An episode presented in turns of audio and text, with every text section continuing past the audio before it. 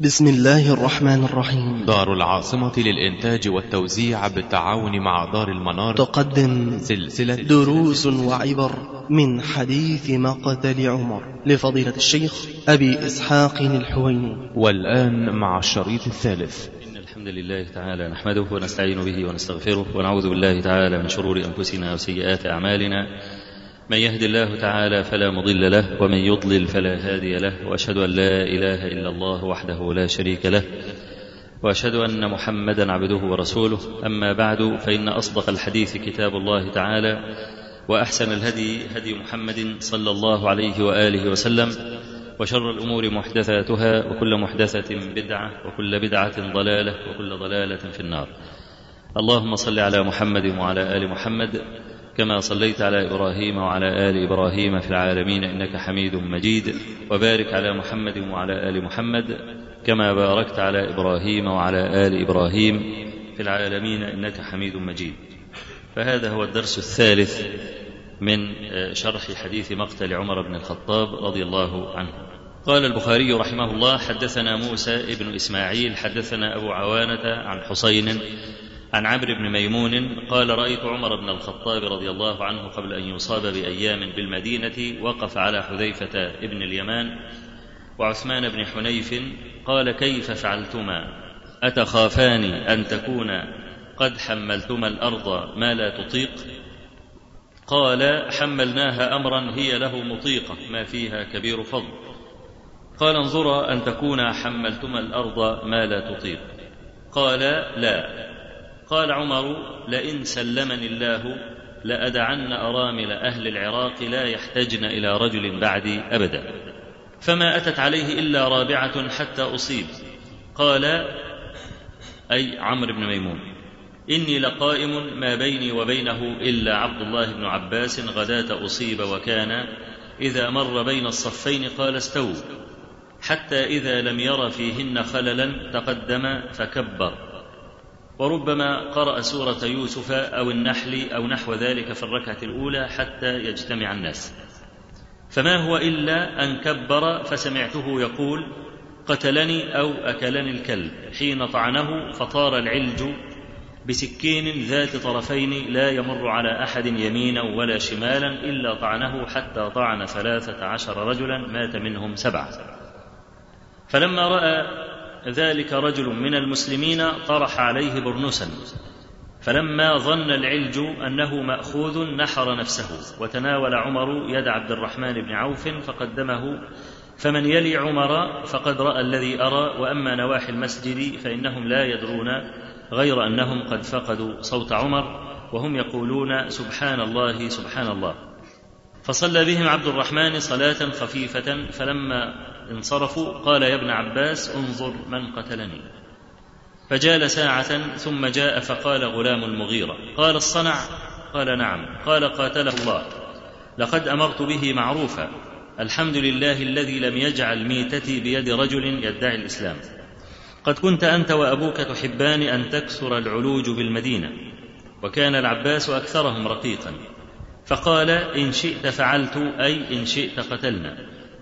قال كذبت. بعدما تكلموا بلسانكم وصلوا قبلتكم وحجوا حجكم فاحتمل إلى بيته فانطلقنا معه وكأن الناس لم تصبهم مصيبة قبل يومئذ. فقائل يقول لا بأس وقائل يقول أخاف عليه. فأتي بنبيذ فشربه فخرج من جوفه ثم أتي بلبن فشربه فخرج من جرحه فعلموا أنه ميت. فدخلنا عليه وجاء الناس يثنون عليه وجاء رجل شاب فقال أبشر يا أمير المؤمنين ببشرى الله لك من صحبة رسول الله صلى الله عليه وسلم وقدم أو وقدم في الإسلام ما قد علمت ثم وليت فعدلت ثم شهادة.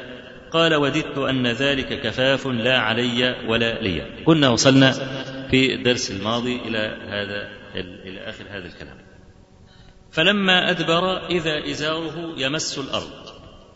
قال ردوا علي الغلام. قال ابن أخي ارفع ثوبك فإنه أبقى لثوبك وأتقى لربك. وفي هذا في هذه الوصية من عمر بن الخطاب رضي الله عنه للغلام آه، نقف على فائدتين. الفائدة الأولى في مسألة طول الإزار. فإن أهل العلم على قولين في هذه المسألة فمنهم من أفتى بالتحريم تحريم إسبال الإزار ومنهم من أفتى بالكراهة. والراجح الصحيح في هذا الباب أن إسبال الإزار حرام وليس بمكروه فقط. وذلك لأدلة كثيرة آه، من النصوص ومن النظر أيضا. أما من النصوص ففيه قوله صلى الله عليه وسلم في حديث أبي هريرة وغيره أسفل الكعبين من الإزار ففي النار. ولقوله صلى الله عليه وسلم كما في حديث أبي ذر عند مسلم وغيره ثلاثة لا ينظر الله عز وجل إليهم يوم القيامة ولا يزكيهم ولهم عذاب أليم المسبل إزاره والمنان والمنفق سلعته بالحلف الكاذب. ولقوله صلى الله عليه وسلم أيضا إياك وإسبال الإزار فإنه من المخيلة. ولقوله صلى الله عليه وسلم من جر إزاره من الخيلاء لم ينظر الله إليه. فبعض العلماء حمل المطلق على المقيد في هذا الباب وقال إن المنهي عنه هو الجر خيلاء. أما إذا جر لغير الخيلاء فهذا لا شيء فيه. وبعض الناس استهان بهذه المسألة استهانة كاملة وعدها من القشور. وإذا رأى رجلا يعظ أو رأى رجلا ينصح في هذه المسألة فإنه يعنفه. لا سيما بعض المتأخرين الذين كانوا يتتبعون رخص العلماء. فكلما وجدوا قولا لعالم تدينوا به حتى لو كان على خلاف الدليل. وهذه حقيقة مصيبة لأن تتبع رخص العلماء آه، نهى عنه أهل العلم. كالإمام أحمد رحمه الله لما قال إذا أخذت برخصة كل عالم اجتمع فيك الشر كله. لكن أنت إذا انتقيت رخصة كل عالم يعني غلطة كل عالم. اجتمع فيك الشر كله. وبناء على هذا المذهب الردي وتتبع الرخص آه، أهدروا نصوصا كثيرة في أبواب كثيرة أيضا. فمثلا بعض المتصدرين للدعوة ويعني آه، الشيخ محمد الغزالي رحمه الله ومن سار في فلكه زي الدكتور يوسف القرضاوي وأمثال هؤلاء الذين يتتبعون الرخص ولا يقفون عند حدود الدليل. يقول مثلا الشيخ محمد الغزالي آه، أنا أوصي الذاهبين إلى كوريا الجنوبية ألا يفتوا بتحريم لحوم الكلاب. فإن القوم هناك يأكلون الكلاب وليس عندنا نص يحرمه. هكذا يقول ويوصي أيضا الدعاة في بلاد أوروبا وأمريكا ألا يشترطوا وجود الولي لنكاح المرأة. قال إن المرأة هناك حرة والمرأة هناك لها شخصيتها المستقلة منذ تبلغ. فلا معنى على الإطلاق إن أنا آتي لأصد هذه المرأة وأقول لها لا لابد من الولي لإتمام الزواج. فيبقى اذا إيه؟ أيضا نقول لا نكاح إلا بولي لا هذا الكلام غير وارد على هؤلاء النساء. ليه؟ لأنهم عندهم حرية قديمة. ويقول يعني أنا لو أوقف إسلام واحد على ترك نص. وثم بكل أسف يستشهد بقول إبراهيم النظام المعتزلي الخاسر. لما أتى على انشقاق القمر برغم أن أحاديث انشقاق القمر متواترة يعني مش أحاديث احاد والقرآن أيضا اقتربت الساعة وانشق القمر. فيقول الصحابة الذين رووا هذا الحديث أن القمر انشق فلقتين. فلقه على يمين الجبل وفلقه على شمال الجبل. يوم إبراهيم النظام اللي هو المعتزلي هذا القبيح يقول إن القمر لم ينشق لابن مسعود وحده. طب هو ابن مسعود هو اللي روى هذا الحديث وحده لكن المعتزلة معروفين. من أجهل الناس بطرق النقل. ما عندهمش أي فكره على الإطلاق. ولذلك تجد هؤلاء إذا قرأت مصنفاتهم كل الأحاديث اللي بيستشهدوا بها أحاديث ضعيفة موضوعه ومنكرة. يعني الزمخشري مثلا. الزمخشري صاحب الكشاف الرجل المشهور اللغوي المشهور وصاحب الكشاف هذا معتزلي وكان يعادي أهل السنة ويصف أهل السنة بالحمير الموكفة. الموكفة يعني المبردعة يعني إيه؟ حمار مشدود عليه البردعة وفي أبيات أهل السنة عرضوه فيها أبيات فائية. كان يصف أهل السنة بكل نقيصة فيها لو أنت طالعت كتاب الكشاف للزمخشري لوجدت أنه جمع كل الأحاديث الضعيفة والموضوع. ما يعرف أي شيء على الإطلاق عن حاجة اسمها نقل ولا حاجة اسمها صحيح ولا ضعيف ولا حاجة اسمها بخاري ومسلم. ما يعرفش المثال دي على الإطلاق. فهذا النظام الجاهل يقول إن القمر لم ينشق لابن مسعود. وهل ابن مسعود هو الذي روى هذا الحديث وحده؟ فيقوم ينكر هذا. ويأتي الشيخ الغزالي إنه برضه أيضا مزدى البضاعه هو في علم الحديث ما كانش عنده أي فكرة أيضا بكل أسف عن هذا الباب. فيأتي بقول إبراهيم النظام ليرد الأحاديث المتواترة عند أهل السنة والجماعة. يقول لا أنا لا أكفر أي واحد يرد حديث في الإسلام. يعني اذا كل إنسان يستطيع أن يرد حديثا للنبي عليه الصلاة والسلام ولا يكفر. طالما ولم ينكر معلوما من الدين بالضرورة وهذا لا قائل به. فنحن إذا تتبعنا هذه المسألة وإذا كل إنسان لم يعجبه حديث تركه لصار الإسلام متروكا على جملة المسلمين. يعني أنت لو نظرت إلى جملة المسلمين ونظرت إلى جملة الإسلام لوجدت الإسلام متروكا بالكلية. انت تركت نص وغيرك ترك نص وغيرك ترك النص الرابع وغيرك النص المائة ألف وغيرك النص العشرين خلاص انتهى الإسلام ولم يعد الإسلام حاكما. المرأة اللي هي تريد أن تنكح نفسها بغير ولي نقول هذا نكاح باطل. عايزة تكفر تروح تكفر تروح في داهية. إحنا ليه؟ لأن الإسلام جاء ليحكم لا ليحكم. فلو جاز أن كل واحد يترك نص لا يعجبه لأنه تربى أيام الجاهلية على خلاف الإسلام إذا ما فائدة الإسلام؟ يبقى الإسلام ما نقل هؤلاء. ثم هل نحن فعلا ليس عندنا نص في ديننا يحرم لحوم الكلاب؟ كيف والنبي صلى الله عليه وسلم نهى كما في الحديث الصحيح عن كل ذي ناب من السباع ومخلب من الطير. وهذا حديث جامع من أحاديث عليه الصلاة والسلام. ليه؟ لأنه أعطى صفة لغير المأكول. ولو أراد أن يعدد غير المأكول لما أحصاه عدا يعني لو حبينا نعمل كده لستة بكل المحرمات. هنعد إيه؟ في بعض الحيوانات ما كان ما كانت معروفة في بلاد العرب. فلو أنا قلت مثلا يحرم الأسد والضبع والفيل ومش عارف إيه وأقعد أعد هيفوتني. فوتني. حيوانات أخرى ما احصيها عدا فالنبي عليه الصلاة والسلام إنما أعطى صفة. فحيثما وجدت الصفة في حيوان فهو مع إيه؟ مقصود بالتحريم. وهذا أبلغ. وهذا يعني آكد في مسألة الحصر. فالنبي عليه الصلاة والسلام لما ينهى عن كل ذي ناب من السباع ومخرب من الطير أقول لا الجماعه في كوريا بيأكلوا الكلاب. وانت رايح تدعو الإسلام ما فيش داعي تصدهم عن الإسلام بترك الإيه؟ بنهي بالنهي عن لحوم الكلاب وهكذا في كل لا هذا الكلام كلام على خلاف منهج السلف كلهم. على خلاف منهج السلف جميعا. يبقى اذا إحنا لما نأتي على هذه الأحاديث ونفشيها في الناس فبعض الناس يقول لك هذا هذه قشور وهذا تشدد. لا أنا أقول لك بقى حديث في صحيح البخاري مثلا امرأة جاءت إلى النبي صلى الله عليه وسلم وقالت إن ابنتي شعرها يتمعط. يتمعط يعني بيسقط لوحده كده. وبعدين البنت دي كانت في ليلة زفاف. أمها بتهيئ بنتها لتزف إلى زوجها. طب حنزفها أرعى ولا حنزفها نص شعرها رايح؟ فجاءت النبي صلى الله عليه وسلم تستفتيه. إن ابنها بنتها شعرها بيسقط فهل ممكن نصل شعرها؟ نلبسها باروكة يعني؟ فنهى النبي صلى الله عليه وسلم عن ذلك وقال زور. مع إن في ناس الآن بيفتوا بالباروك يقول لك طالما لزوجها تلبس لزوجها جائز. لأن هي إيه؟ لا تتجمل إلا لزوجها والتجمل للزوج مدعاه للالفه والمودة والرحمة والعشرة ومش عارف إيه والكلام ده فيقول لك جائز. طب دي في ليلة زفافها في ليلة زفافها. النبي صلى الله عليه وسلم نهى عن ذلك وأنكر عن المرأة وقال زور. بل هناك ما هو أشد من ذلك وهو في البخاري أيضا أن امرأة كانت معتدة في العدة يعني. تعرف المرأة المعتدة لا تتزين في فترة العدة. واخد بالك؟ لا تحط كحل ولا تحط عطر ولا الكلام ده.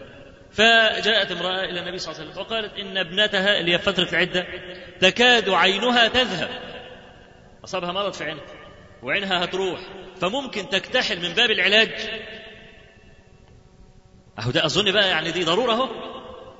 هنستخدم كحل من باب العلاج. فقال صلى الله عليه وسلم لا ولو ذهبت عينه. إحنا بقى لو افتينا الفتوى دي يقول لك هو ده التشدد والتنطع والكلام ده. ودي فتوى النبي عليه الصلاة والسلام يقول لا وإن ذهبت عينه. فمسألة القشور إحنا عايزين نضبط حتة القشر دي. ما هو القشر؟ وما هو اللب؟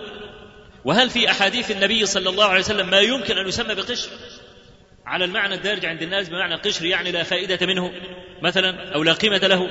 هذا الكلام غير موجود ولا يقوله إنسان يؤمن بالله عز وجل ويرضى النبي صلى الله عليه وسلم أسوة حسنة له. حتى في المستحبات ما يليق أن يقول قشر على اعتبار إن القشر المطروح عند الناس. ثم إننا لو رجعنا وعلى سبيل التنزل سميناه قشرا فإن اللب لا يحيا إلا بقشر. فحياة اللب وجود القشر. وإلا قولوا لي أي ثمرة في الدنيا؟ هل نبتت بلا قشر؟ يعني الموز والبرتقال والكلام دوت لو انت كده عريته كده من القشر بتاعه. ينبت؟ كوز الذرة لو انت خدت الغلاف ده ينبت؟ الشجرة لو انت خدت القشر وأبقيت اللحاء تنبت؟ أبدا. إذا لا حياة للب إلا بالقشر. فالقشر في غاية الأهمية بالنسبة للب. فهذه الأحاديث يقولون عنها قشور ويقولون أيضا عن تسوية الصف وإيقاف الناس في الصفوف الكلام ده. دي من القشور أيضا. مع أن النبي صلى الله عليه وسلم قال في تسوية الصف لا تسفون لا تسوون بين صفوفكم أو لا يخالفن الله بين وجوهكم. فتخيل الاختلاف الوجوه مبني على اختلاف القلوب وتنافرها؟ فيكون تنافر القلب سببه عدم تسوية الصف. فين القشر اللي هنا؟ هذا لب كله. واخد بالك؟ إعفاء اللحيه عندهم من القشور. يقول لك المهم القلب. طيب ما هو القلب ده اللي هو ملك البدن. لا يأمر الجوارح إذا كان إذا كان قد اشتد عزمه ويعني لم يتشعب في أودية الباطل والضلال. لا شك أن القلب سيأمر بالحسن ويأمر بالمعروف. إنما القلب الذي لا يأمر الجوارح بتقوى الله عز وجل يبقى قلب في خلل. قلب كلما كان صاحب عزيمة أمر الجوارح. الجارحة إنما تستقي قوتها من القلب. الجارحة تستقي قوتها من القلب. فإذا عزم القلب على شيء انفعلت له الجارحة. فتخيل الإنسان بيفعل المعاصي. كل معصية يجدها يقترفها. فأين قلبه؟ وأين عزم قلبه؟ القلب مغيب تماما فليقول المهم القلب ويهمل ما الهدي الظاهر هذا رجل غافل عن معنى عمل القلب. غافل عن معنى عمل القلب. لم تكن اللحية أبدا من القشور. وإلا لماذا فسق علماؤنا الذين يحلقون لحاهم؟ لما تقرأ في أبواب الشهادات في كتب الفقه الفقه القديمة كتب العلماء يردون شهادة حليق اللحية ليه؟ قال لك لأنه مرتكب لحرام. والذي يرتكب الحرام مرتكب لفسق. وهذا أظهر هذا الفسق. أظهره يعني مش جاء وراء جدار وعمل معصية لا ده هو بارز الناس وبارز الله. كمان. فيقوم يقول لك إيه؟ ترد شهادة ولا تقبل شهادة أبدا. لكن الآن طبعا إحنا ما نستطيع أن نتبنى هذه الفتوى. ليه؟ لأن عمت البلوى بحلق اللحية. ولو أننا رددنا الشهادات بسبب حلق اللحية لانسد باب الشهادة تقريبا. واخد بالك؟ فالمصلحة بتقتضي قبول شهادة بعضهم على بعض. واخد بالك؟ لكن أنا أريد أن أقول الذي أستشهد به أنه لم يكن من القشور أبدا حلق اللحية حتى يقول فيه العلماء هذا الكلام الشديد. فمسألة القشور ما عندنا في ديننا قشر أصلا. وإذا سلمنا بهذه التسمية فنقول لا يحيا اللب إلا بقشر. فنأتي على مسألة إسبال الإزار اللي هو بيقول لك إنها قشر. فبيحتج الشيخ المذكور الذي ذكرته آنفا بأن الإسبال المحرم للخيلاء.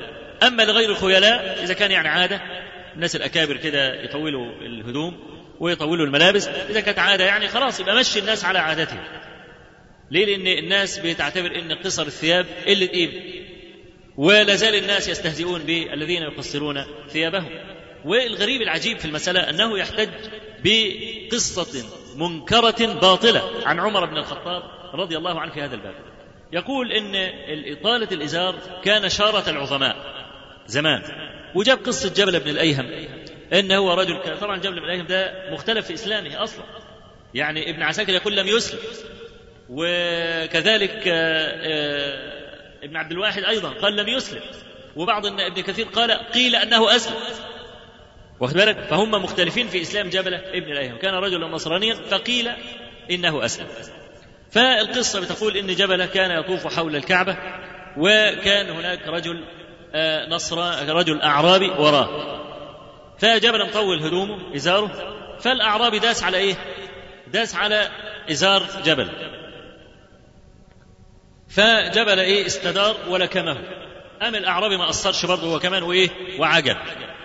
فإزاي بقى يضربه؟ فقام واخده جره كده وراحوا لمين؟ لعمر بن الخطاب. إن ده ضربني إزاي وأنا جبل ابن الأيهم والكلام ده. واخد بالك؟ فقال له ضربني قلمين ثلاثة وأنا ضربته قلم قال له عمر إيه؟ الطمه بدله. واذا كان ضربك قلمين زيادة أديهم له وخلاص. فهذا الحكم لم يعجب جبلة ابن الايهم واخد بالك؟ فغضب والتحق بالروم وتنصر خلاص كده؟ طب فين الشاهد في الحكاية؟ قال لك إن عمر بن الخطاب ما قالوش يا أخي قصر هدومك واخد بالك؟ طالما لم يكن له آه، قصر بقى ازارك يبقى دل على إنه أقره على طول الإزار. وإن هو إيه يعني برضه إيه مشى له المساله على أساس انه رجل إيه كبارة يعني. القصة لم تصح أصلا. القصة دي لم تصح أصلا. إنما الذي صح هو الذي نقرأه في صحيح البخاري. أن عمر بن الخطاب لما سمع ثناء الغلام والغلام بقى بعد ماشي رايح الباب نظر إليه عمر فإذا إزاره يمس الأرض قال ردوا علي الغلام.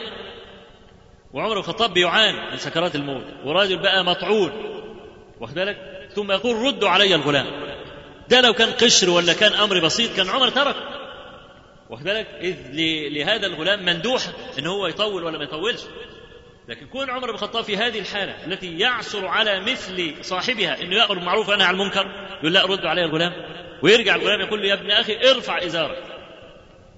فإنه أبقى لثوبك وأتقى لربك. هو ده الصحيح بقى عن عمر. لو عايز يحتج عن عمر وفي أثر اخر صحيح عن عمر بن الخطاب رواه ابن أبي شيبة في كتاب المصنف عن خرشة ابن الحر. أن عمر بن الخطاب رضي الله عنه رأى رجلا وقد أطال إزاره. قال له أحائض أنت؟ فقال يا أمير المؤمنين وهل يحيض الرجل؟ قال نعم لما أسبلت إزارك؟ لأن إسبال الإزار لا يكون إلا للنساء. واخد بالك؟ قال فأتى عمر بمشقط حاجة زي مقص كده. وقص ما زاد عن الكعبين. قال خرشة بن الحر فكأني أنظر إلى خيوط الإزار على عقبه. يبقى الأمر ده لو قشور ولا كده كان عمر بن الخطاب يبوظ له هدوم ويقصها له؟ كمان آدي الصحيح عن عمر. ابن الخطاب رضي الله عنه أنه كان ينكر هذا. وهو. هذا الرأي متماشي مع الأحاديث الكثيرة عن النبي صلى الله عليه وآله وسلم. فالنبي عليه الصلاة والسلام نهى عن اسبال الإزار. والعلماء بيقولوا من علامات الكبيرة ما توعد صاحبها بالنار أو باللعن أو بالطرد أو ما أشبه ذلك. فأي نص تجد فيه توعد بالنار يبقى بيلتحق بباب الكبائر. فالنبي عليه الصلاة والسلام يقول أسفل الكعبين من الإزار في النار. فلو كان أمرا مستحبا أو كان في مندوحة للرجل إنه يفعل لما توعد فاعله بالنار. لا يتوعد بالنار إلا لتارك الواجب. من ترك الواجب توعد بالنار. لكن واحد عنده فسحة والشرع اداله فسحة لماذا يتوعد بالنار اذا آه الذين قيدوا هذا الحديث أسفل الكعبين من ففي النار قيدوه بالحر إزاره من الخيلاء لم ينظر الله إليه. فقال لك كلمة من الخيلاء دي تصلح أن تكون قيدا لهذا الحديث العام. أسفل الكعبين من الإزار ففي النار. قال لك يبقى نفهم الحديثين على ضوء بعض كالآتي. أسفل الكعبين من الإزار خيلاء ففي النار. قال لك وبكده يبقى إيه؟ تلتئم الأحاديث ويستقيم معناها. آه نرجع بقى لأصول أهل العلم. هل فعلا يصلح أن نحمل المطلق على المقيد في هذا الباب؟ العلماء قالوا إذا حمل المطلق على المقيد له أربع حالات. من ضمن الأربعة دول إذا اختلف الحكم واتحد السبب في في نصين أو في نص ما فلا نحمل المطلق على المقيد. يعني قال لك لو في حديث أتى بحكم ما بالحرمة. خلاص؟ نصان. نص مطلق ونص مقيد. النص المطلق اللي هو ليس يعني لم يقيد بصفة. يعني إحنا مثلا لما نقول فتحرير رقبة مؤمنة. يبقى لا يجزئ تحرير الرقبة غير المؤمنة. ليه؟ لأنه قيد الحكم بالإيمان. خلاص كده؟ غير لما نقول فتحرير رقبة. ونسكت. تحرير رقبة صار مطلقا. يبقى أي رقبة تجزئ؟ رقبة كافرة رقبة مؤمنة ذكر أنثى حر عبد كبير صغير رقبة خلاص لكن إذا قيدتها بذكر الإيمان يبقى لا يحل إلا القيد الموجود في النص. كذلك مثلا قوله صلى الله عليه وسلم لا تنتقب المرأة المحرمة. فقيد نفي النقاب بالإحرام. خلاص؟ لكن لو قلنا لا تنتقب المرأة ولا تلبس القفازين يبقى هذا يشمل الحل والإيه؟ الحل والحرم. واخد بالك؟ لكن لما قال المحرمة فقيد الحكم بهذا. كقوله صلى الله عليه وسلم مثلا إذا مات ابن آدم انقطع عمله إلا من ثلاث. ولد صالح يدعو له. فكلمة صالح أخرجت الولد الفاسد. فالولد الفاسد لا يعني ينفع والده. يبقى ولد صالح. لكن لو كان النص ولد يدعو له يبقى أي ولد؟ فاسد. ولا صالح. واخد بالك؟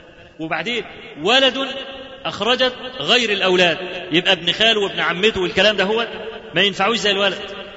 ليه؟ لأن إنما قيد المسألة إيه؟ بالولد أي الذي ينسب إلى أبيه. فالحكم الذي أتى مقيدا بيبقى موصوف والحكم إنما يتنزل على صفة بخلاف الإيه؟ المطلق. المطلق الذي لم يحد. فالنبي عليه الصلاة والسلام قال كما في سنن أبي داود أسفل الكعبين من الإزار ففي النار. ومن جر إزاره من الخيلاء لم ينظر الله إليه. النص كده كله على بعض. مش حديثين لا حديث واحد. أسفل الكعبين من الإزار ففي النار. ومن جر إزاره من الخيلاء لم ينظر الله إليه. أصبح عندنا مقطعين حكمين. الحكم الأول اللي هو إيه؟ أسفل الكعبين من الإزار ففي النار. والحكم الثاني من جر إزاره من الخيلاء. يبقى نفهم من كده إن الكلام الأول يتنزل على غير الخيلاء. وإلا لما كان لذكر الخيلاء في الشطر الثاني أي معنى واضح الكلام يعني أسفل الكعبين من الإزار ففي النار. ومن جر إزاره من الخيلاء فلما ذكر الخيلاء في المقطع الثاني وما ذكرهاش في المقطع الأول علمنا أن القصد من المقطع الأول أن يكون الجر بغير خيلاء. خلاص؟ طيب هل الحكم واحد في المقطعين ولا مختلف؟ الحكم مختلف. الحكم الأولاني في النار والحكم الثاني لا ينظر الله إليه. خلاص كده؟ يبقى اختلف الحكم ولا اتحد؟ اختلف الحكم. خلاص؟ طيب السبب متحد ولا مختلف؟ السبب متحد وهو الجر. الجر في الحالين. واخد بالك؟ اسبال الإزار في الحالين. الأولاني أسبل الإزار ففي النار والثاني أسبل الإزار خيلاء يبقى لا ينظر الله إليه. يبقى السبب متحد. وهو الجر أو الاسبال والحكم مختلف إن الاولاني في النار وإن الثاني لا ينظر الله إليه. قال العلماء علماء الأصول إذا اختلف الحكم واتحد السبب لا يحمل المطلق على المقيد. يبقى كل واحد له جهة منفك. فما ينفعش بقى إن أنا أقول إن حديث من جر إزاره من الخيلاء مقيد بحديث آه، حديث آه، أسفل الكعبين من الإزار ففي النار مقيد بحديث من جر إزاره من الخيلاء. ده حديث لوحده وده حديث لوحده وقد صرح بهذا الإمام الذهبي رحمه الله في كتاب سير أعلام النبلاء في ترجمة عبد الله بن عمر بن الخطاب رضي الله عنهما. وقد ورد حديث اللي هو بيتكئ عليه أيضا الذين يقولون ب يعني عدم حرمة الجر مطلقا إلا إذا كان قصد الخيلاء. حديث رواه الإمام أحمد في مسنده بسند صحيح على شرط الشيخين. هو بيرويه عن عبد الرزاق عن معمر عن زيد بن أسلم عن عمر بن الخ... عن... عن عبد الله بن عمر رضي الله عنهما. قال رآني رسول الله صلى الله عليه وسلم وعلي إزار جديد يتقعقع. تقعقع لسه منشي فرقع كده لسه ماسك حيله يعني. واخد بالك؟ فقال من؟ فقلت أنا عبد الله. فقال إن كنت عبد الله فارفع إزارك. قال فرفعته. قال زد. قال فرفعته إلى نصف الساق. فقال من جر إزاره من الخيلاء لم ينظر الله إليه. خلاص؟ قال ابن عمر فجاء أبو بكر. فقال النبي صلى الله عليه وسلم لما رآه من جر إزاره من الخيلاء لم ينظر الله إليه. فقال أبو بكر يا رسول الله إن أحد شقي إزاري يسترخي وأنا أتعاهده. فقال إنك لست ممن يفعل ذلك خيلاء. والحديث في الصحيح ولكن بغير هذه بغير, هذا التمام وهذا السياق كله. من جر إزاره من الخيلاء لم ينظر الله إليه. أبو بكر الصديق قال إن أحد شقي إزاري يسترخي وأنا أتعاهد. قال لا إنك لست ممن يفعل ذلك الخيلاء. فقال لك بقى إذا بقى ما فعلوش خيلاء يجوز. وهذا من أعجب الاستدلال. أولا أبو بكر الصديق رضي الله عنه من يعرفه ويعرف سيرته يستحيل. وأقول مستحيل مستحيل. يتصور أن يخالف أبو بكر الصديق أمر النبي عليه الصلاة والسلام حتى لو كان في أدنى المستحبات. واخد بالك؟ بالإضافة لأن أبو بكر الصديق ما جر إزاره أصلا. إزاره كان فوق الكعبين كان مشدودا فوق الكعبين لكنه كان نحيف كما في طبقات ابن سعد من حديث إسماعيل بن أبي خالد عن قيس بن أبي حازم قال دخلت على أبي بكر الصديق فإذا هو رجل نحيف خفيف اللحم أبيض. وفي طبقات ابن سعد أيضا بسند فيه الواقدي أحمد بن عمر الواقدي وهو متروك قال عن عائشة رضي الله عنها قالت كان أبو بكر رجلا نحيفا يسترخي إزاره من على حقوه. لأنه نحيف فيقوم إزاره ينزل إيه؟ من فيقوم يتعاهد. ولذلك بيقول إن أحد شقي إزاري. مش كله ولا يتصور واحد يفصل هدوم يطول شق ويرفع شق. لا يقول إن أحد شقي إزاري يسترخي. وبعدين مش سايب. أتعاهد أي بشده إلى أعلى. واخد بالك؟ فهل يقاس على أبي بكر الصديق أولئك الذين يرخون ازورهم عمدا؟ يروح للترز ويقول له هاتها لحد الأرض. ويجيب بقى بالمزورة كده لحد الأرض ويقيس هل يستوي هذا الذي جر إزاره عمدا مع أبي بكر الصديق الذي يسترخي إزاره بعدما شده مسلولا فوق الكعبين؟ ثم إنه يتعاهده فوق ذلك. هل يمكن لصاحب يعني نظر وتأمل ويعرف معنى القياس ممكن يقيس أولئك الذين يتعمدون على هذا المعذور؟ هذا قياس كما يقول العلماء من أبطل القياس على وجه الأرض. ليه؟ لأنه قياس النقيض على النقيض.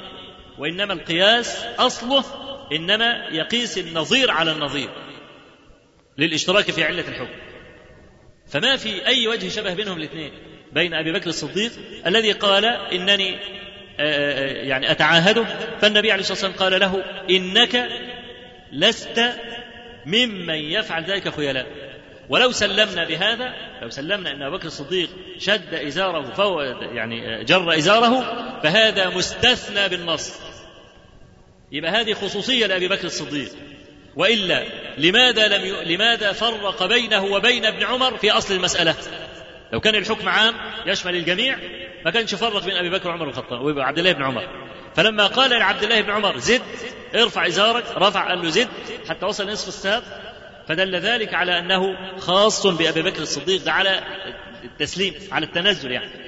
إن هذا خاص بابي بكر الصديق رضي الله عنه ولا يعم. واخد بالك؟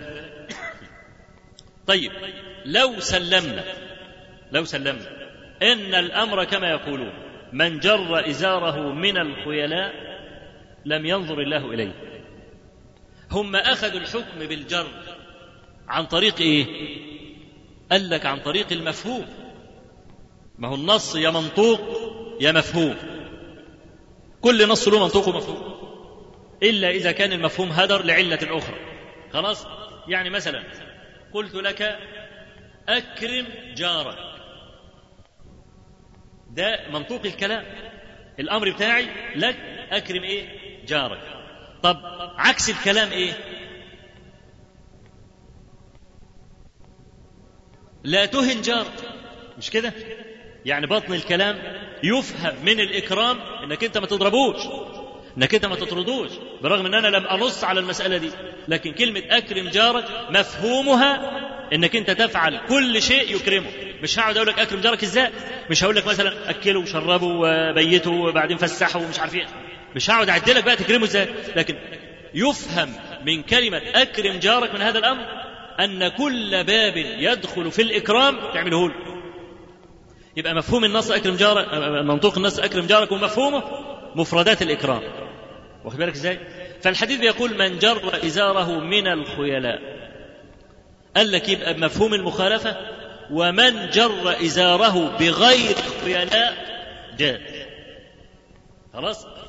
يبقى اذا هو أخذ الحكم بتاعه بدليل المفهوم. والعلماء بيقولوا إذا تعارض منطوق ومفهوم يقدم المنطوق قدم المنطوق على طول. والأحاديث الناطقة بتحريم الاسبال أكثر من 15 حديث فأنا لو جاز لي أن أنا أنصب التعارض ما بين النصين لوجب علي أن أقدم دلالة المنطوق لصراحتها على دلالة المفهوم إذ دلالة المفهوم لا تنحصر. فإحنا لو قلبنا هذا الحكم على أي وجه كان لا خرجنا بمنع إسبال الإزار. خلاص؟ بالإضافة لأن إسبال الإزار فيه تشبه بالنساء. كما في حديث ابن عمر عند أبي داود والنسائي وغيرهما قال صلى الله عليه وسلم من جر إزاره من الخيلاء لا, لا ينظر الله إليه يوم القيامة. قالت أم سلمة يا رسول الله فماذا تفعل النساء بذيولهن؟ قال يرخينه شبرا. أي فوق القدر الم... الأصلي يعني هو الأصل إيه؟ أن يكون فوق الكعبين بالضبط. تعرف الكعب؟ اللي هو العظم الناتئ في أسفل الرجل فوق القدر. ده الأصل. يبقى هنفترض ده العظم الناتئ أهو. ها؟ يبقى الأصل الإزار يبقى لحد هنا. فمسلمة بتقول إيه؟ يا رسول الله ماذا يفعل النساء بذيولهن؟ قال يرخينه شبرا يبقى إذا من أول الكعبين المرأة إيه؟ تطول شبر. خلاص كده؟ يبقى هيجرجر على الأرض ولا لأ؟ أم سلمة قالت إيه؟ اذا تنكشف أقدامهن. برغم إن شبر أهو. قال لك تنكشف أقدامهن. قال يزد له ذراعا. واخد بالك؟ يعني يرخينه ذراعا ولا يزد. يبقى أصل الحكم أصل الحكم إيه؟ أن يكون الإزار مشدودا فوق الكعبين ثم رخص للنساء. يبقى أصل الحكم يكون للرجال ثم رخص للنساء حتى لا تنكشف أقدامهن. لأن المرأة كما قال صلى الله عليه وسلم المرأة كلها عورة فإذا خرجت استشرفها الشيطان. يبقى إذن الرجل الذي يرخي ذيله متشبه بالنساء. وإنت لما ترى أزياء الرجال والنساء تضرب يعني تقلب كفيك عجبا. المرأة لابسة زي الرجل على السنة. والراجل لابس لبس المرأة على السنة. تلاقي المرأة لابسة جيبة لنصف الساق مع إن المفروض الراجل يعمل كده. المفروض إزرة الرجل كما قال صلى الله عليه وسلم إزرة الرجل إلى أنصاف ساقيه. واخد بالك؟ والراجل بيجرجر بهدومه زي الإيه؟ زي الست. يبقى اذا إطالة الإيه؟ إطالة الإزار هذا فيه تشبه بالنساء. بالإضافة لإن أيضا إطالة الإزار حتى لو سلمنا للقائلين بمسألة الخيلاء بنقول أنه ينبغي أن يمنع من الجر سدا لذريعة الخيلاء. لأن الجر مستوجب للإسبال. والإسبال مظنة الخيلاء لا سيما إذا كان في عرف الناس إن ال ال يعني تقصير الثوب مسخ. هم بيعتبروا إن تقصير ثوب مسخ. والناس يقعدوا يتفرجوا عليه ويتريقوا عليه. ويقول لك انت كده لازم تبقى صاحب قيمة كده. قيمة يعني إيه يعني هدومك تجرجر على الأرض. فهذا كله باب إلى الخيلاء. وقد جاءت الشريعة في نصوص كثيرة بسد الذريعة. سد الذريعة يعني الشيء قد يعني الشيء لا يكون ممنوعا ولا منهيا عنه لذاته. إنما يكون منهيا عنه لما يؤدي إلى الفساد. خلاص؟ فسدا لذريعة أن يؤدي إلى الفساد. نقفلين الباب عليه. يبقى ال هذا الباب كله أو هذه القاعدة اللي هي الأصولية وهي أحد الأدلة في أصول الفقه. تعرف أصول الفقه أربع أدلة متفق عليها قرآن سنة إجماع قياس وثمان أدلة أخرى مختلف في الاحتجاج بها. اللي هي زي عمل الصحابة والاستحسان والاستصحاب وسد الذرائع وشرع من قبلنا والعرف وسد الذريعة. واخد بالك؟ فسد الذريعة ده لا يكون الحكم في الأصل محرما لذاته. إنما لما يؤدي إليه من الفساد زي النظر. النظر إلى المرأة الأجنبية. ليس محرما لذاته. إنما يحرم لما يؤدي إلى الزنا. لأجل هذا رخص للرجل أن ينظر إلى المرأة الأجنبية في حال الخطبة. واخد بالك؟ والعلماء يقولون ما منع سدا للذريعة يباح للمصلحة الراجحة. فالنظر منع سدا لذريعة الزنا لكن لما كان النظر إلى المرأة وحتى ما يعني ما الرجل لا يطلقها بعد ذلك آه ويرجى ديمومة العشرة بينهما قيل له انظر. خلاص؟ آه مثلا اتقاء مواطن الشبهات لسلامة العرض الإشهار في الزواج لسلامة العرض. لما إحنا بنجوز اتنين ونشهر هذا الزواج علشان ما فيش حد يطعن في عرض المرأة ولا عرض الرجل. بخلاف ما إذا اتنين اتجوزوا سكيتي كده. واخد بالك؟ الناس هتقول ده داخل البيت ده بيعمل إيه؟ فيقوم يطعنوا على عرض الرجل والمرأة. فيقوم قال لك لا نعمل الإشهار لأجل هذا. فالإسبال هذا الإطالة الإزار وإن لم يكن للخيلاء في الأصل فإنه في نهاية الأمر قد يؤدي إلى الخيلاء. فإذا كان الأمر كذلك يبقى يمنع سدا للإيه؟ سدا للذريعة. بالإضافة لأن إسبال الإزار مظنة تعلق النجاسة بالإزار. وقد رخص للنساء علشان المرأة بتطيل ذيلها. يا شبر يا ذراع. رخص للنساء عفوا سألوا النبي صلى الله عليه وسلم عن المسألة دي. إن المرأة ممكن يمر ثوبها على نجاسة. قال صلى الله عليه وسلم يطهره ما بعده خلاص؟ يبقى هذا الحكم خاص بمين؟ خاص أيضا بالنساء لأن النبي صلى الله عليه وسلم رخص لهن أن يطلن ذيولهن من شبر إلى ذراع. فنظرا لأن هذا ممكن يتعلق بالنجاسة أم اداله حكم آخر خاص بهم. فالقصد يا إخواننا مسألة إسبال الإزار هذه كبيرة وهذه محرمة. والعلماء الذين قيدوا بالخيلاء لم يكن عندهم حق في مثل هذا التقييد. فيبقى العلماء على قولين القول الأولاني التحريم وهو الصحيح والقول الثاني وهو الكراهه الفائدة الثانية من قول عمر بن الخطاب رضي الله عنه آه هي مشروعية الأمر بالمعروف والنهي عن المنكر على أي حال. وفيه قوة نفس عمر رضي الله عنه كما قال ابن مسعود يعلق ابن مسعود كما في الأثر الصحيح عنه يقول وعجبا لعمر رضي الله عنه لم يشغله ما كان فيه عن القيام بحق الله. لم يشغله ما كان فيه من معالجة المرض عن القيام بحق الله تبارك وتعالى وهو الأمر بالمعروف والنهي عن المنكر. الأمر بالمعروف والنهي عن المنكر فرض واجب على كل مسلم بحسبه. على حسب الدرجات الثلاثة المشهور في حديث أبي سعيد الخدري عن النبي صلى الله عليه وسلم قال من رأى منكم منكرا فليغيره بيده فإن لم يستطع فبلسانه فإن لم يستطع فبقلبه وذلك أضعف الإيمان. وفي اللفظ الآخر في حديث مسعود وليس وراء ذلك مثقال حبة من خردل من إيمان يبقى إذا مسألة النهي عن المنكر مسألة القيام بحق الله تبارك وتعالى ينبغي أن تقوم بها على قدر جهدك ولا تقصر. حتى لو كان هذا المستمع اللي انت بتأمره وتنهاه لن ينفذ شيئا مما تقول. هذا حق الله عز وجل. فانت بتؤدي حق الله إيه الطرف اللي انت بتأمره بتنهاه؟ استجاب استجاب ما استجابش يبقى انت إيه؟ فعلت الذي عليك واتقوا فتنة لا تصيبن الذين ظلموا منكم خاصة. وكما قال الله تبارك وتعالى واذ قالت امه منهم لم تعظون قوما الله مهلكهم أو معذبهم عذابا شديدا؟ قالوا معذره إلى ربكم ولعلهم يتقون. فلما نسوا ما ذكروا به انجينا الذين ينهون عن السوء واخذنا الذين ظلموا بعذاب بئيس بما كانوا يفسقون. فاستفاد الذين امروا بالمعروف ونهوا عن المنكر لما جاء العذاب. برغم إن هؤلاء لم يستجيبوا. وقيل لهم لما تأمروهم لما تنهوهم عن المنكر ولن يسمعوا الكلام؟ قالوا معذرة إلى ربكم أي أننا نعذر إلى الله. نقول يا رب نحن أنكرنا. يا رب نحن فعلنا. واخد بالك؟ وقمنا بما أوجبته علينا ليه؟ لأن النهي عن المنكر من حق الله عز وجل. هذا من حق الله عز وجل. إنما مسألة أن نهيك أو أمرك يجيب نتيجة هذه مسألة ما عليك يعني شيء في عدمها. يعني أمرت ولم يأتمروا نهيت ولم ينتهوا ما عليك شيء من هذا. ولذلك كل المنكرات التي يعني نعيشها الآن من التفسخ الكامل عن أحكام الإسلام وظهور طبقة المرتدين مرة أخرى. هؤلاء الذين يرفضون أحكام الله تبارك وتعالى.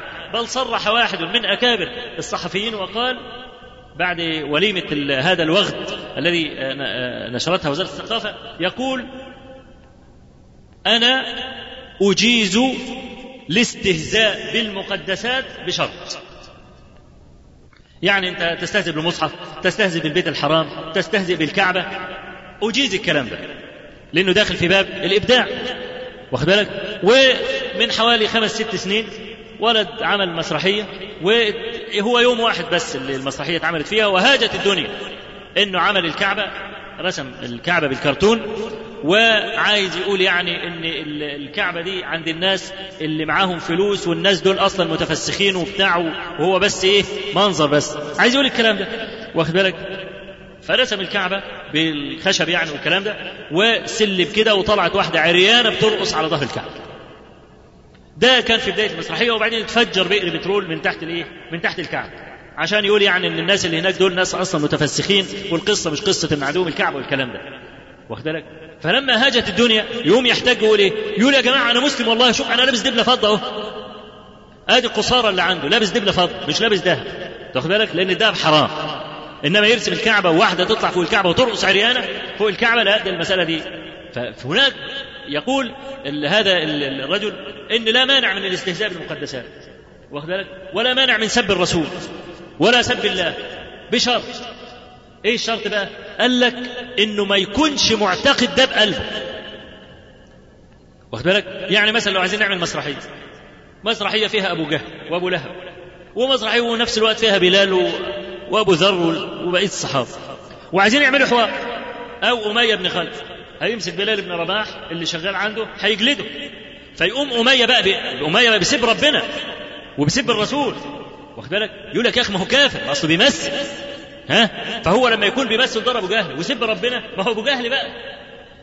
تاخد بالك إزاي؟ أو أبو لهب يقول لك طالما بيمثل إذا ما اعتقدش المسألة. واخد بالك إزاي؟ وربنا سبحانه وتعالى ما هو قال في القرآن إن قالوا عن النبي صلى الله عليه وسلم إنه شاعر وكاهن ومجنون. آه اللي يقول الكلام ده أمية بن خلف بس ما يقولوش محمد ومصطفى.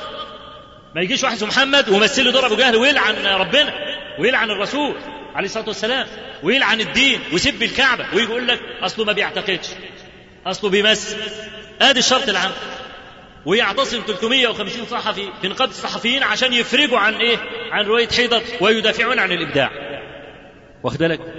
طبعا دي محنة حقيقه جسيمة وإن كنا نرى آه، فيها آه، بشرى لأن لما الكفر يظهر هيكون في مقابله إيمان صافي زي ما كان في مكة بالضبط.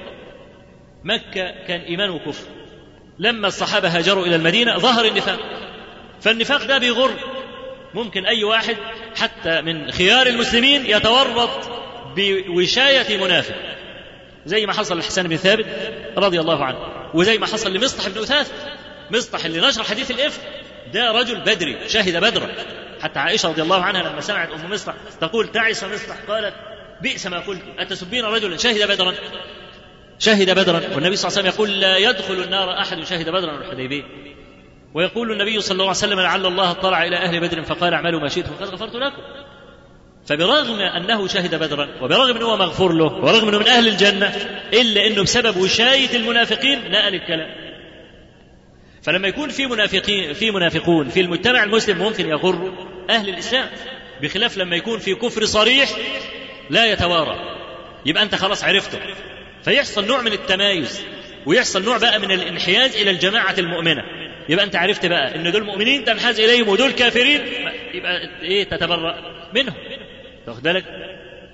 فهذا الظهور الذي ظهروا به علينا من آه، نشر المنكرات والدفاع عن المنكرات. إحنا بقى مهمتنا ان ننكر برغم أننا نعلم أن هذا الصياح سيذهب أدراج الرياح. وإن هذا الذي نشر سيعلو وتعلو مراتبه وهياخد حوافز. واخد بالك؟ وهيترقى كمان. برغم أننا نعلم هذه الحقيقة إلا أننا لابد أن ننكر. ونقول هذا لا يجوز وهذا حرام. ليه؟ لأن إنكار المنكر من حق الله تعالى. فإحنا بنؤدي ما علينا من الحق. إنما بقى هل يزول المنكر بهذا الإنكار أم لا يزول؟ دي مسألة مش شغلنا. إذا استطعنا أن نزيله أزلناه. لكن إحنا فعلا عجزة أن نزيله. يبقى لا يبقى إلا أن ننكر هذا المنكر. يبقى اذا يا إخوانا إنكار المنكر واجب. حتى لو كنت تعلم سلفا أن الذي ستنكر عليه لن ينفذ شيئا مما تقول. وها هو عمر رضي الله عنه ينكر وهو في هذه الحالة ليقوم بحق الله تبارك وتعالى وهذه ثمرة الاستقامة على أمر الله طول حياته. برضه إحنا عايزين نستفيد من المسألة دي. بعض الناس يقول لك إيه؟ يقول لك أنا لما أموت أول ما يقولوا لي قول لا إله إلا الله هقولها. وفاكر إنها كلمة سهلة. هو بيحتضر قالوا له قل لا إله إلا الله. ممكن يقول لا. لا يستطيع أن يلفظ بها إلا إذا كان عاملا بها في حياته. يوم يستفيد منها بقى. وتذل على لسانه وتبقى خفيفة على اللسان. لكن لا إله إلا الله دي أثقل من الجبال الرواسي لا إله إلا الله من أجلها. ألقي إبراهيم في النار. ومن أجلها عاد الأقوام جميع الرسل وذبح يحيى عليه السلام وحاول اليهود قتل عيسى عليه السلام وأخرج موسى عليه السلام ونبينا صلى الله عليه وسلم خرج من مكة إلى المدينة. كل هذا من أجل لا إله إلا الله ولا يزال أهل الإيمان على مثل هذا حتى تقوم الساعة. لا يزال مسألة الضغط والإرهاق والإرهاب الحقيقي ضد هؤلاء حتى تقوم الساعة. فلا إله إلا الله ممكن تكلفك عنقك. لا إله إلا الله تكلفك وظيفتك. لا إله إلا الله ممكن تلقي بك في السجن إلى آخر رمق في حياتك. فكلمة تقيلة مش سهلة. واحد يقول لا إله إلا الله فاكرها سهلة؟ لا. لا إله إلا الله هي الدين كله بحمله بثقله. فهل يتصور هذا الحمل الثقيل اللي هي الأمانة التي ذكرها ربنا تبارك وتعالى في آخر الأحزاب؟ إنا عرضنا الأمانة على السماوات والأرض والجبال فأبين أن يحملنها وأشفقن منها. وحملها الإنسان إنه كان ظلوما جهولا. فهذه الأمانة التي أشفقت السماوات والأرض من حملها لا تتصور إن لسانك ممكن ينطق بها كده وأنت لم تعمل بها في حياتك. عشان كده عمر بن الخطاب ساغ له واستقام له وسهل عليه أن يأمر بالمعروف وينهى عن المنكر لأن كان طول حياته كده. خلاص؟ يبقى هذا أيضا من ثمرة إيه؟ الاستقامة على أمر الله عز وجل أن يوفق المرء إلى السداد وإلى التوفيق في آخر حياته. قال فلما أدبر إذا إزاره يمس الأرض. قال ردوا علي الغلام. وطبعا الغلام مش معناها إيه؟ الغلام الصغير. برضه أنت ممكن تلاقي واحد يقول لك يا أصل اسبال إزار ده اللي عيل صغير.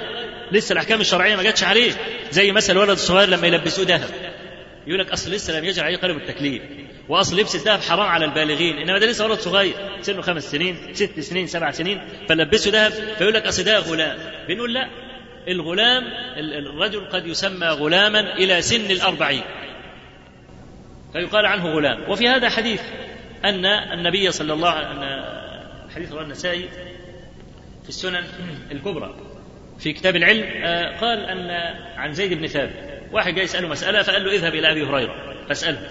فقال له ولما ذاك؟ لماذا أسأل أبا هريرة؟ طب أخلص ال لماذا أسأل أبا هريرة؟ قال إنا كنا جلوسا أنا وأبو هريرة ورجل آخر. وقلنا إن واحد يدعي ويؤمن الآخران على دعائه. فدعا فدعوت وأمن صاحباي. ودعا صاحبي وأمنت أنا وأبو هريرة. ثم خرج علينا رسول الله صلى الله عليه وسلم. فسكتنا. قال ماذا كنتم تفعلون؟ قلنا يا رسول الله واحد بيدعي واثنين إيه؟ يأمنوا قال فادعوا وأنا معه. فكان الدور على مين؟ على أبي هريرة. فقال أبو هريرة اللهم إني أسألك ما سألك صاحباي وأسألك علما لا ينسى. فأمن رسول الله صلى الله عليه وسلم. فقال زيد بن ثابت وصاحبه ونحن يا رسول الله نسأل الله علما لا ينسى. فقال سبقكم بها هذا الغلام الدوسي. هذا الغلام الدوسي. وكان لأبي هريرة من العمر أربعين عاما أو فوق الأربعين عاما. قال فلما أدبر إذا إزاره يمس الأرض قال ردوا علي الغلام. قال ابن أخي ارفع ثوبك فإنه أبقى لثوبك وأتقى لربك. يا عبد الله بن عمر انظر ما علي من الدين. فحسبوه فوجدوه ستة وثمانين ألفا أو نحوه. قال إن وفى له مال آل عمر فأده من أموالهم وإلا فسل في بني عدي بن كعب. فإن لم تف أموالهم فسل في قريش ولا تعدهم إلى غيرهم فأد عني هذا المال. أول ما ينبغي على الإنسان إذا علم أنه ميت أن ينظر في دينه لأن الدين يحبس صاحبه كما ثبت في الأحاديث الكثيرة. والتي صحت عن رسول الله صلى الله عليه وآله وسلم. وكان من سنة النبي صلى الله عليه وسلم ألا يصلي على صاحب دين. فجيء يوم فجيء في يوم من الأيام بجنازة فسأل عليه دين؟ قالوا نعم. فقال صلوا على صاحبكم. فقال رجل أنا أؤدي دينه يا رسول الله وصل عليه. فصلى النبي عليه الصلاة والسلام عليه ثم لقي النبي صلى الله عليه وسلم هذا الرجل الذي تعهد بسداد الدين. لقيه بعد ذلك بيوم أو يومين. فقال له هل أديت دين صاحبك؟ قال بعد يا رسول الله يعني لسه دفنينه سميت فلما أدى الدين وأخبر النبي صلى الله عليه وسلم بذلك قال عليه الصلاة والسلام الآن برد جلده. فأول ما ينبغي أن يعتني به المرء الدين حتى لو أتى الدين على التركة بكاملها لو لم يبق للورثة ملين واحد. وينبغي عليه أن يؤدي دينه في حياته إذا قدر. ليه؟ لأن كثير من الورثة يقول لك الحي يبقى من الميت. هو بقى ربنا يغفر له ويرحمه. ولا ينظرون في دينه. هو محبوس ويعذب ودول بيستمتعوا بماله. فهذا أول ما ينبغي على المرء أن ينتبه إليه. آه، دين عمر بن الخطاب كبير. ستة وثمانين ألف درهم. آه، في حديث جابر بن عبد الله أن هذا الدين سأل عنه عبد الرحمن بن عوف لما قال عمر بن الخطاب لابنه أدم علي من الدين؟ فعبد الرحمن سأله وما سبب هذا الدين؟ فقال في نوائب كانت تنتابني وأنفقتها في حجج حججتها. فلا يلزم عمر بن الخطاب وجوبا أن يؤدي هذا المال ليه؟ لأنه أنفقه في خلافته. فكان يأتيه مثلا أضياف باعتباره أمير المؤمنين كان ينفق من جيبه. مع أن بيت المال الأصل أن يتكفل بهذه النفقات. ولو أن عمر بن الخطاب قيدها على بيت المال لكان ذلك جائزا له. لكن أراد ألا يتعجل أجره في الدنيا. فاعتبر أن كل المسألة دي في حكم الدين عليه. ولم يكن عمر الخطاب هو يعني الوحيد في الصحابة اللي كان عليه هذا الدين الكبير. فأكبر دين أنا وقفت عليه يعني على صحابي كان على الزبير بن عوام. الزبير بن عوام كان عليه ألفي ألف ومائتي ألف. ألفي ألف يعني 2 مليون. 2 مليون و300 ألف. والحقيقة يعني هو يعني في هذا له قصة طريفة ذكرها الإمام البخاري رحمه الله في كتاب فرض الخمس من صحيح. وذلك سبب الدين ده إيه؟ البخاري روى عن عبد الله بن الزبير. الذي صار أمير المؤمنين بعد ذلك. قال لما وقف الزبير بن العوام يوم الجمل دعاني. عارفين يوم الجمل؟ فتنة اللي حدثت بين علي ومعاوية رضي الله عنهما. وقتل فيها الزبير وطلحة. قال لما وقف الزبير يوم الجمل دعاني فقمت إلى جنبه. فقال يا بني لا يقتل اليوم إلا ظالم أو مظلوم. وإني لأراني سأقتل مظلوما أي في هذا اليوم. وإن من أكبر همي لدين أفترى يبقي ديننا من مالنا شيئا؟ فقال يا بني بع مالنا فاقض ديني المهم ثم قال له يا بني إذا عجزت عن شيء فاستعن عليه مولاي. قال عبد الله بن الزبير فوالله ما دريت ما أراد حتى قلت يا أبت ومن مولاك؟ قال الله عز وجل. قال عبد الله بن الزبير فوالله ما وقعت في كربة من دينه إلا قلت يا مولى الزبير اقض دينه فيقضيه فقتل الزبير رضي الله عنه ولم يدع دينارا ولا درهما إلا أرضين. كانت بالغابة منطقة كان اسمها الغابة كانت جيدة وكان أراضيها جيدة. وإحدى عشرة دارا بالمدينة ودارين بالبصرة ودارا بالكوفة ودارا بمصر. قال عبد الله بن الزبير وإنما كان دينه الذي عليه. إيه سببه بقى؟ عليه 2 مليون و ألف. أن الرجل كان يأتيه بالمال فيستودعه إياه. رايح مشوار فيقول له خلي ده عندك أمان. واخد فيقول الزبير لا ولكن سلف فإني أخشى عليه الضيعة فيقوم حتى لا يضيع المال أنت عارف المؤتمن لا يضمن. يعني لو واحد اداك أمانة وقال لك خلي دي أمانة عندك وضاعت جاء لص مثلا وسرق الدار بما فيها الأمانة لا يلزمك أداء الأمانة. والمال ليس في ذمتك. خلاص؟ المال ليس في ذمتك. واحد قال لك خد المبلغ ده وصله لفلان. أنت شغال بره قال لك خد العشر ورقات دول وديهم لفلان. وأنت في المطار اتفتشت خدوه واخد بالك إزاي؟ أو وقعوا منك بدون تقصير ولا إهمال منك.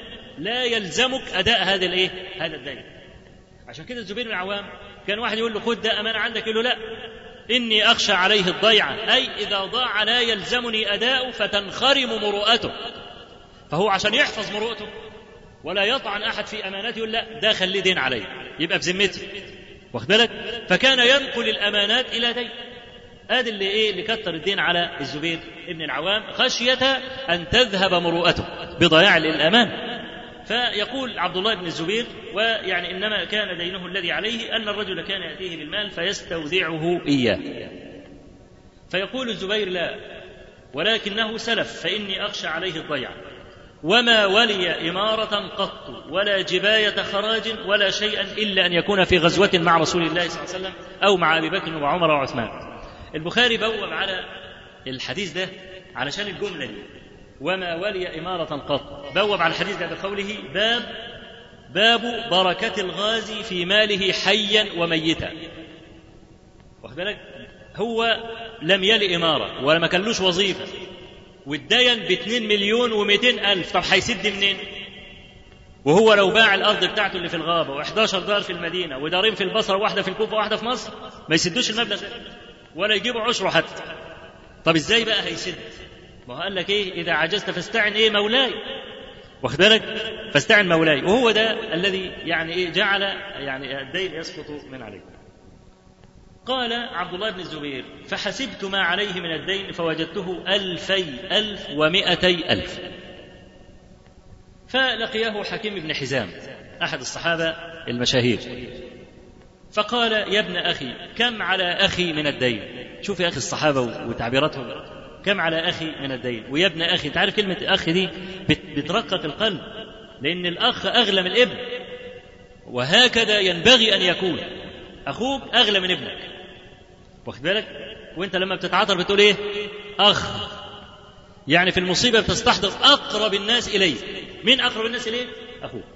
واخد بالك؟ عشان كده استخدام لفظة الأخ بتحنن القلب. فقال يا ابن أخي كم على أخي من الدين؟ فقال فكتمته. ما رضاش يقول له الرقم لأن الرقم فظيع. قال مئة ألف. عليه مئة ألف. قال حكيم والله ما أرى أموالكم تسع لهذه. هتسدوا منين مئة ألف؟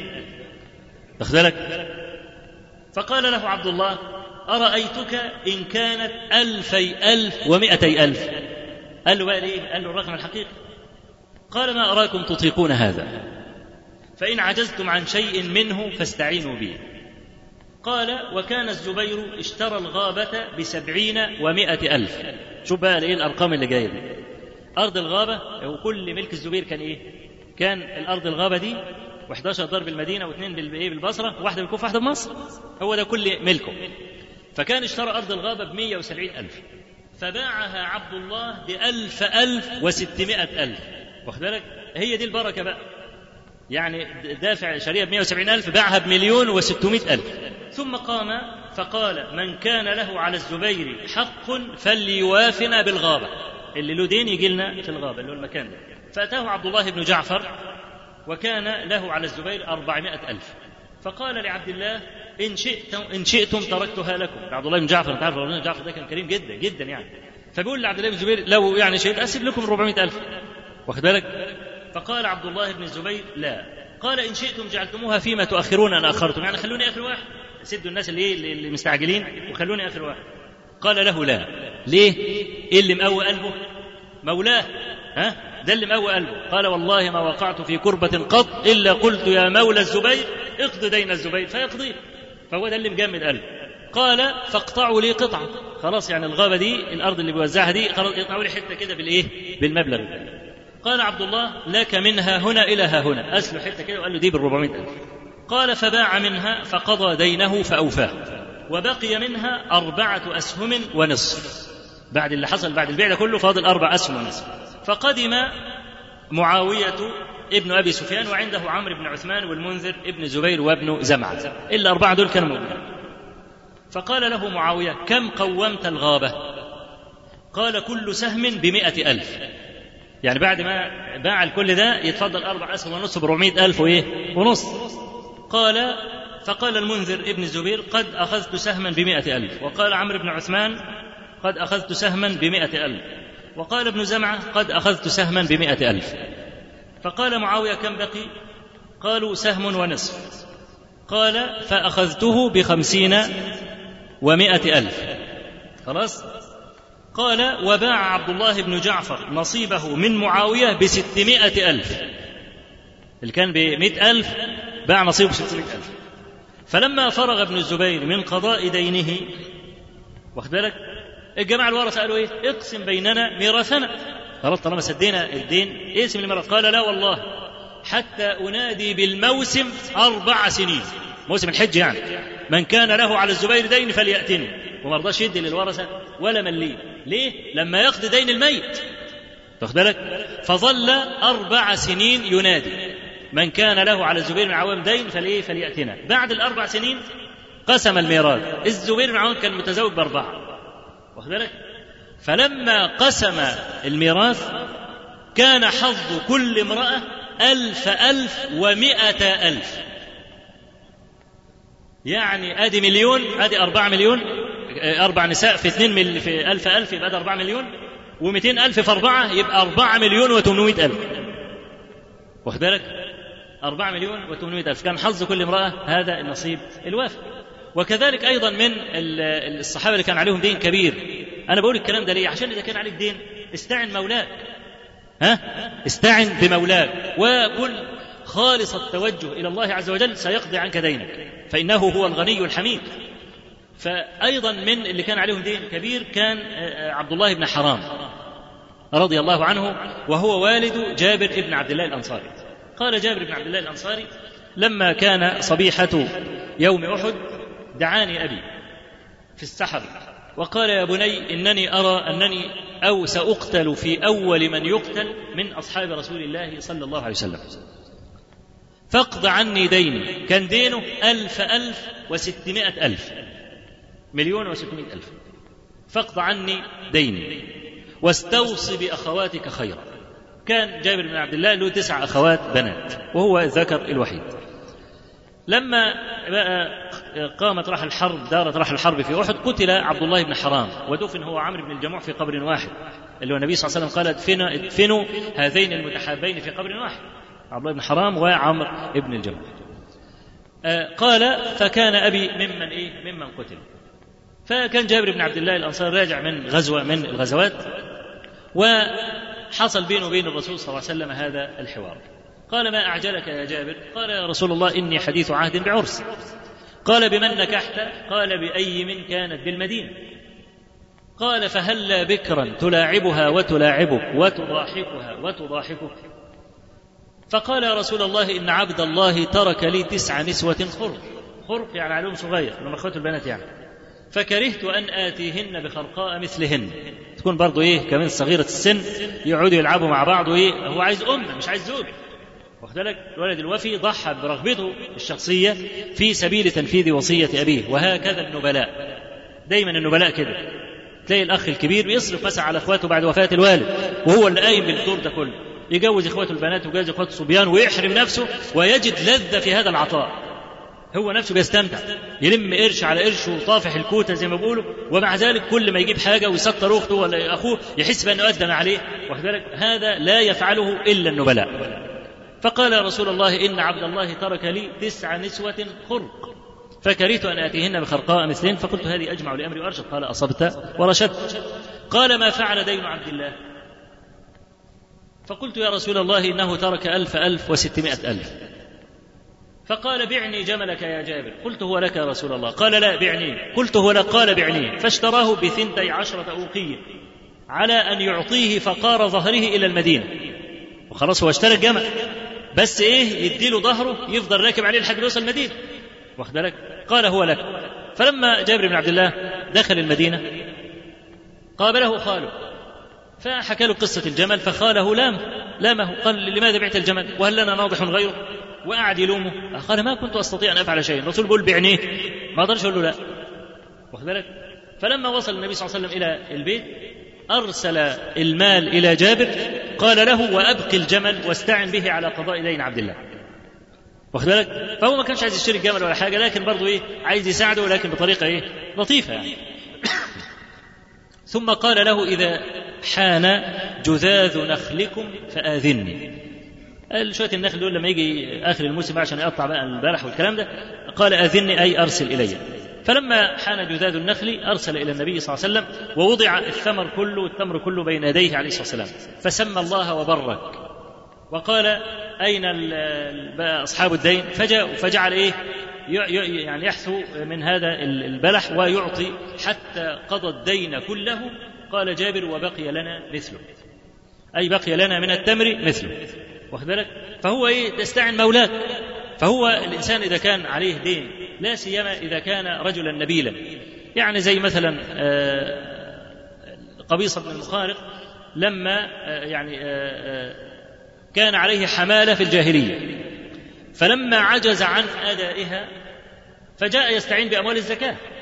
فرخص له النبي صلى الله عليه وسلم أن يستعين بأموال الزكاة. تحمل حمالة في الجاهلية. اثنين هي قبيلتين هيقوموا على بعض يقتلوا بعض. ليه؟ القبيلة دي لها فلوس عند القبيلة دي. طيب إحنا عايزين نحقن دماء الناس دول. فقام واحد نبيل كده راجل بقى من اللي هو إيه قلما يجود الزمان بمثله وقال لا خلاص لا تقتتلوا والفلوس عليا. خلاص؟ لكن أعطوني مهلة. مرت المهلة وعجز أن يأتي بهذا المال.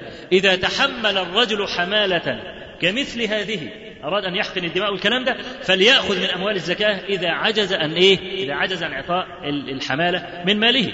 وهكذا رخص النبي صلى الله عليه وسلم في مثل هذا. فساعات كده بعض الناس النبلاء يقضي حوائج الناس ويدين واخد بالك؟ ثم لا يجد وفاء. فإحنا بنقول له إذا يعني كنت فعلت ذلك ابتغاء مرضات الله فأبشر فإن الله عز وجل سيقضي عنك دينك كما قضى دين هؤلاء الأولياء. فعمر بن الخطاب قال يعني انظر في مال آل عمر. فإن وفى فبها. وإلا فانظر في بني عدي بن كعب اللي هم البطن اللي منهم عمر بن الخطاب مباشرة. فإن لم تفي أموال البطن هذا المباشر عدي بن كعب فالتمس في قريش اللي هم القبيلة بقى. تعرف القبيلة فيها بطون. فبني عدي بن كعب كانوا بطن من قريش. قال فخذ من قريش ولا تعدهم إلى غيرهم. وهذا فيما يبدو لثقة عمر بن الخطاب أن في بني عدي بن كعب وفي قريش من يسد هذا الدين. هذا كان يعني 86 ألف حاجة تعتبر بسيطة بالنسبة لقريش كلها. ولا تعدهم إلى غيرهم. ليه؟ لأنه في الغالب سيوف سيوفون دين عمر بن الخطاب رضي الله عنه. ونقف عند هذا القدر من الحديث ونجيب عن بعض الأسئلة. في سؤال عاجل مكتوب يعني أنه مهم وعاجل. مسألة حضور المرأة الحائض إلى المسجد لسماع درس العلم ونحو. الذي أتبناه وأعتقده أنه يجوز للمرأة الحائض أن تدخل المسجد. وليس هناك أي دليل صحيح صريح في هذه المسألة. بل بنى الفقهاء هذا الحكم على حديث منكر كما يقول الإمام أحمد بن حنبل وهو حديث لا أحل المسجد لجنوب ولا حائط وهذا الحديث لو كان صحيحا لكان قاطعا للنزاع ولكن لا يصح بل هو حديث منكر. لم يبق إلا حديث واحد فقط وهو إن حيضتك ليست في يدك. وهذا الحديث ليس صريح الدلالة على المطلوب. بل آه الذي يتبادر من هذا الحديث هو ما فهمه الإمام النسائي رحمه الله لما روى هذا الحديث في سننه وترجم عليه بقوله باب استخدام الحائط باب استخدام الحائط ثم روى هذا الحديث. وإنما قال هذا الكلام ليه؟ لأنه كان شائعا في المدينة بين اليهود الذين كانوا يسكنون المدينة أن المرأة الحائض لا ينتفع بشيء منها. فكانت المرأة إذا حاضت لا يؤكلوا لم يؤكلوها ولم يشاربوها ولم يضاجعوها. فلما جاء النبي صلى الله عليه وسلم ودخل المدينة كان هذا العرف هذا العرف اليهودي سائد في المدينة. وكان من هدي النبي عليه الصلاة والسلام أنه يخالف اليهود.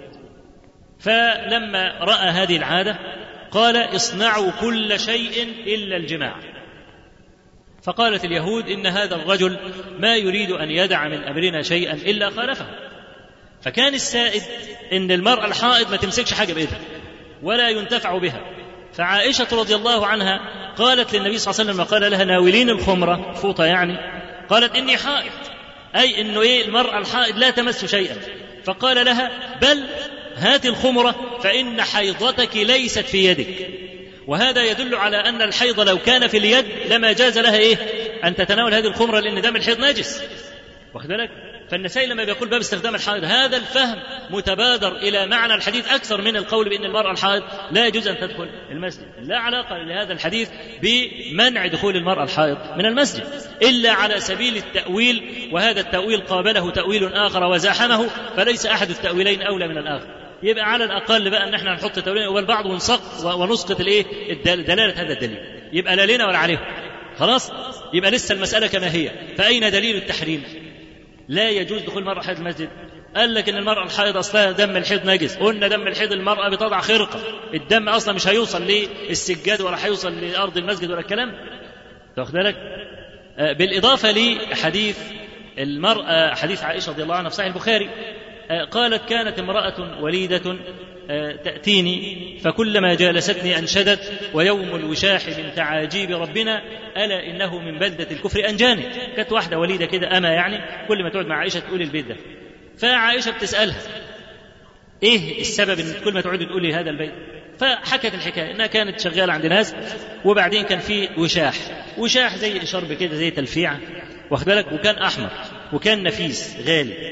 فالمهم جت حداية فكرت إن الوشاح ده لحم. فقامت خطفته وطارت بيه. خلاص؟ فقالوا لها الوشاح فين؟ فقالت ما عرفوش. قالوا لا أنت سرقت بتاع. ضربوها فضلوا يضربوها لحد ما كانوا هيموتوها. الحداية بقى لما لقت بقى إن ده لا لحمة ولا حاجة؟ قامت إيه؟ رمي الوشاح تاني. واخد بالك؟ فلما لمت الوشاح وتأكدوا إن البنت مظلومة أعتقوها. واخد بالك؟ فلما اعتقت أسلمت بقى وإيه؟ وراحت بقى لعائشة رضي الله عنها. عشان كده كل ما تقعد تقول إيه ويوم الوشاح من تعاجيب ربنا ألا إنه من بدة الكفر انجاه قالت وكانت لهذه الأمة وكان لهذه الأمة حفش في المسجد. حفش يعني خص. نايمة فيه. سكنها قاعد في المسجد. سكنها في المسجد. فمعروف إن من لوازم النساء الحيض. واخد بالك؟ فلم يقل لها النبي صلى الله عليه وسلم إذا حضت فاخرجي. فإنه لا يحل للمرأة الحائض أن تنام في المسجد أو أن تظل في المسجد. واخد بالك؟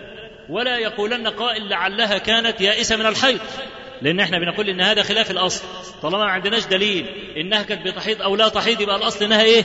إنها بتحيض. فإذا قلت لا تحيض قلنا هذا خروج عن الأصل فأنت المطالب بالدليل وإلا الأصل معنا إحنا. وهو أن المرأة إيه؟ أن المرأة تحيض. واخد بالك؟ فهو لا دليل في الحقيقة على منع المرأة الحائض من دخول المسجد وهذا الذي اعتقدوه في هذه المسألة. والله أعلم.